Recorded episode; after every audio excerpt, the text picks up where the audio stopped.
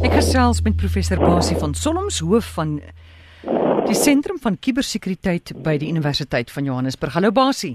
Goeiemôre daar aan almal van julle. Basie, daar's nou soveel stories oor Elon Musk. Een is dat hy 'n nuwe maatskappy in die kriptogeldeenheidsarea gaan begin. Hulle praat van Bitcoin code en dat hy so baie arme mense gaan help dat hulle ook kan geld kry.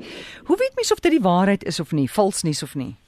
Dis 'n baie goeie eh, vraag want want daar's twee sake wat hiermee verband hou. Ehm um, eerstens uh onthou wat ons al gepraat het oor vals nuus. Ek gesê as jy 'n storie hoor, gaan kyk altyd op bekende bronne en bekende uh, nuusagentskappe of hulle iets daaroor sê. Nou oor hierdie storie van Elon Musk en die nuwe maatskappy Bitcoin Code is daar net een berig wat ek kon kry wat dit beweer en al die ander sê dit is vals nuus. Geen een van die hoofmaatskappye en agentskappe het dit gedra nie.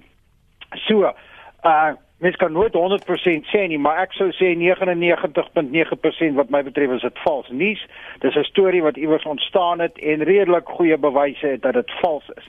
Wat betref die Bitcoin, die Bitcoin code aspek, mm. dit is ook 'n vals storie. Daar was spesifiek ook 'n berig van 'n persoon in Suid-Afrika wat 250 dollar betaal het op hierdie spesifieke ding wat een of ander geldmarkplatform is waarmee jy dan nou miljoene gelde rande kan maak en die ou het sy geld verloor.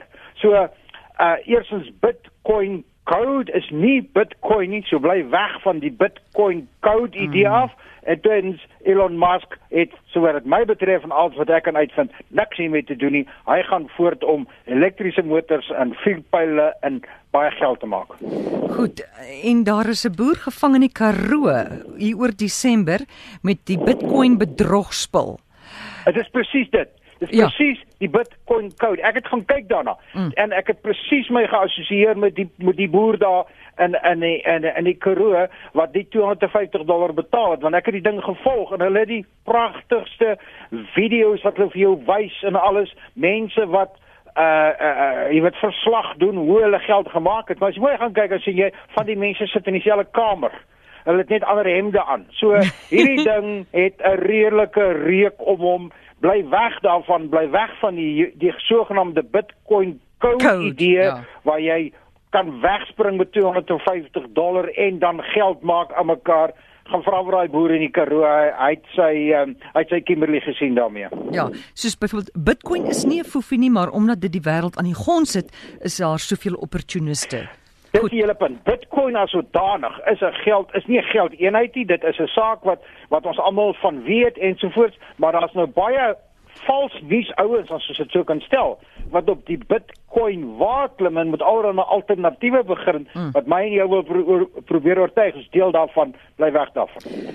Basie vraag van 'n luisteraar, hoe kry sommige onbekendes soos die jong meisie wat die wreedhede van ISIS bekend gemaak het, dit reg om deur die wye netwerk opgetel te word? Ja, ek dink dit is dis nogal 'n belangrike vraag want uh, almal van ons weet dat sosiale netwerke en veral Twitter is 'n plek waar wat baie gebruik word om boodskappe uit te kry. Weet party party mense, as jy nou 'n mense soos Donald Trump beweer hulle het 25 miljoen volgers. So as hy enigiets sê, gaan daar onmiddellik 25 miljoen mense wees wat dit kry op hulle mobiele foon. Dit is ongelooflik om dit te dink. Nou hier, ek dink hierdie luisteraar het 'n goeie vraag. As jy nou 'n probleem het, soos byvoorbeeld hierdie meisie wat uh hierdie hierdie goed wou bekend gemaak het. Jy het nie 25 of sy het nie 25 miljoen volgelinge nie. Al is al het sy dit te rekening.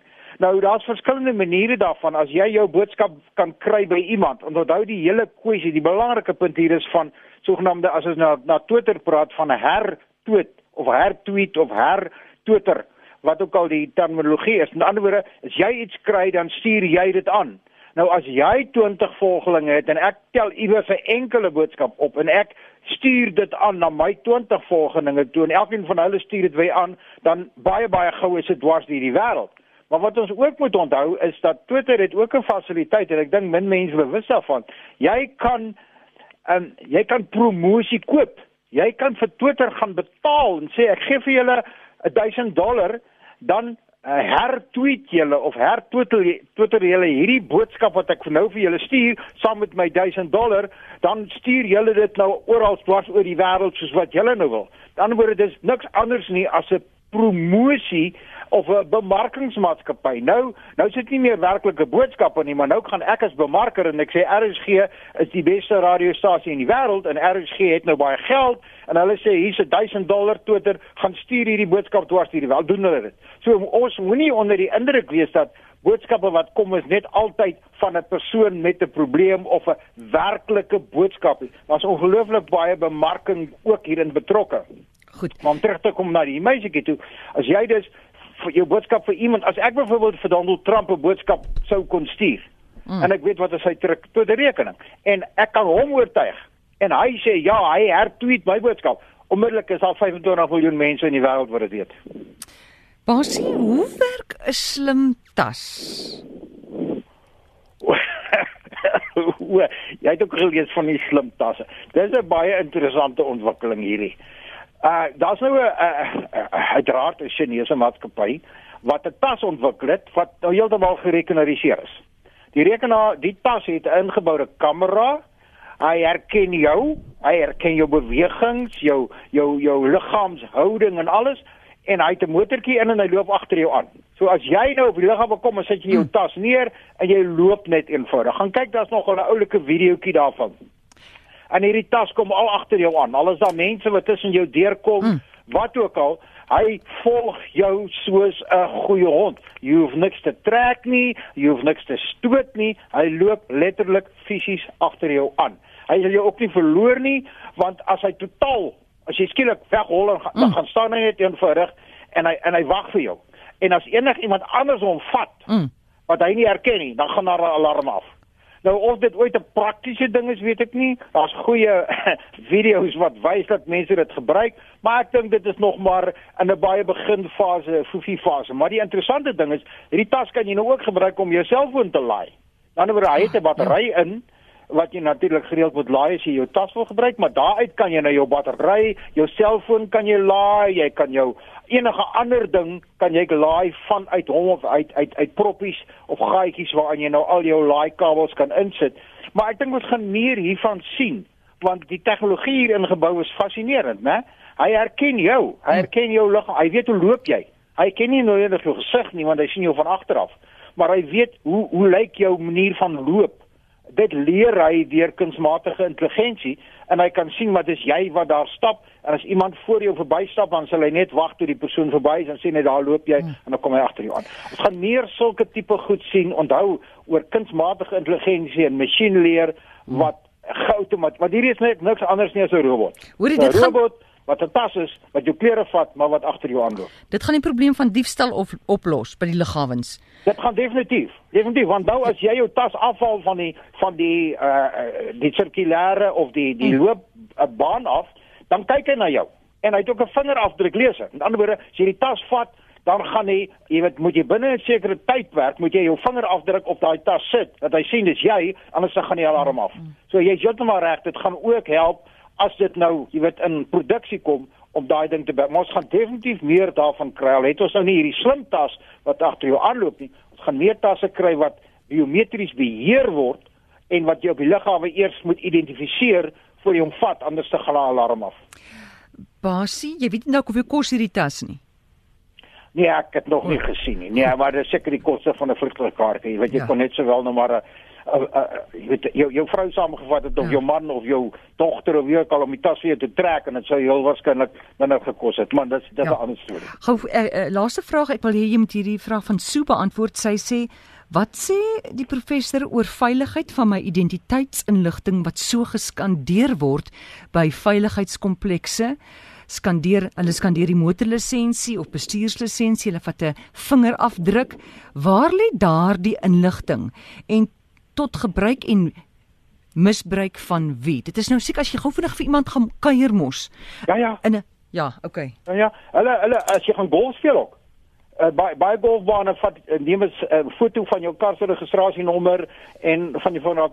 Ek dink hierdie is 'n kernvraag, baie baie belangrike vraag. En die antwoord daarop is dis 'n reuse risiko. Jy weet nie waar daai data lê nie. Dit lê heel waarskynlik op 10 plekke. As jy in 10 verskillende komplekse ingaan en 10 keer jou vingerafdruk gee, word dit op 10 verskillende databasisse gestoor. Jy weet nie eers waar dit lê nie. Jy weet nie hoe goed dit beheer word nie en dan geskied hierdie ding van kuberkraking. Nou kraak een of ander kubermisdadiger of of of kubergorra kraak nou hierdie behuisingsmaatskappy se databasis. Hmm. En daar's al die vingerafdrukke daarop, al jou karlisensies is daarop. So, jy sien ek ek ek begin verskriklik opgewonde raak of opgewek raak hieroor want dit hou verband met wat ons verlede week gesien het. Dat die die die rekenaarskyfies van elke selfoon daar buite, elke een in die hmm. wêreld het 'n kwesbaarheid in van 1995 af het hierdie skyfies 'n 'n 'n kwesbaarheid. Hulle kan jou privaat inligting kry, hulle kan jou wagwoorde kry deur hierdie skyfies te gebruik. Dit is nou eers uitgevind, né? So die hele kwessie van ons data wat ons al meer en meer gebruik, al meer stoor, ons weet nie waar dit is nie. Ek dink ek en jy en ons as luisteraars moet begin vra vir ons sê waar lê my inligting? Net om nog 'n vraag te vra hier, byvoorbeeld almal van ons weet as jy as jy 'n uh, SIM-kaart gaan koop, dan moet jy dit sogenaamd Rika. Mm. Waar jy omtrent alles van jou ma se geboortedatum tot by jou hond se naam moet jy vir hulle gee. Waar lê daai data? Ek het al hoeveel keer gevra, waar is die data? Niemand weet nie. Niemand weet wie toegang daarna nie. So, dis dis die risiko in hier verlede week se storie van ons selfone wat almal potensiële kwesbare goed geraak het is is ontstellend. Nou maak jy my bang, Basie. Ek wil nou nie eers vanaand uitgaan nie. Hoorie, ek sê vir jou, my my vrou en almal wat weer kom. Jy weet as ek by die kerk kom, dan sê almal verby nou hier in Engeland is dan nie is Engels. Ek kan nie Engels ek doen nie verstaan nie, maar en en maar, maar maar dit wat jy sê maak my bang. Maar ek jy weet ek is nie daar om die mense bang te maak nie. Ek is daar om te sê wees versigtig. Ons ons gaan in 'n situasie en daar's 'n ander verslag waaroor ek ook nog wil gesels ja. om te sê dat kinders wat te veel tyd op selfone spandeer, begin sielkundige probleme ontwikkel. Jy sien, daaroor moet ons ook gesels. Goed, sommer volgende week Basie, baie dankie. Dis professor Basie van Solms. Jy kan hom kontak by rsgbasie by gmail.com.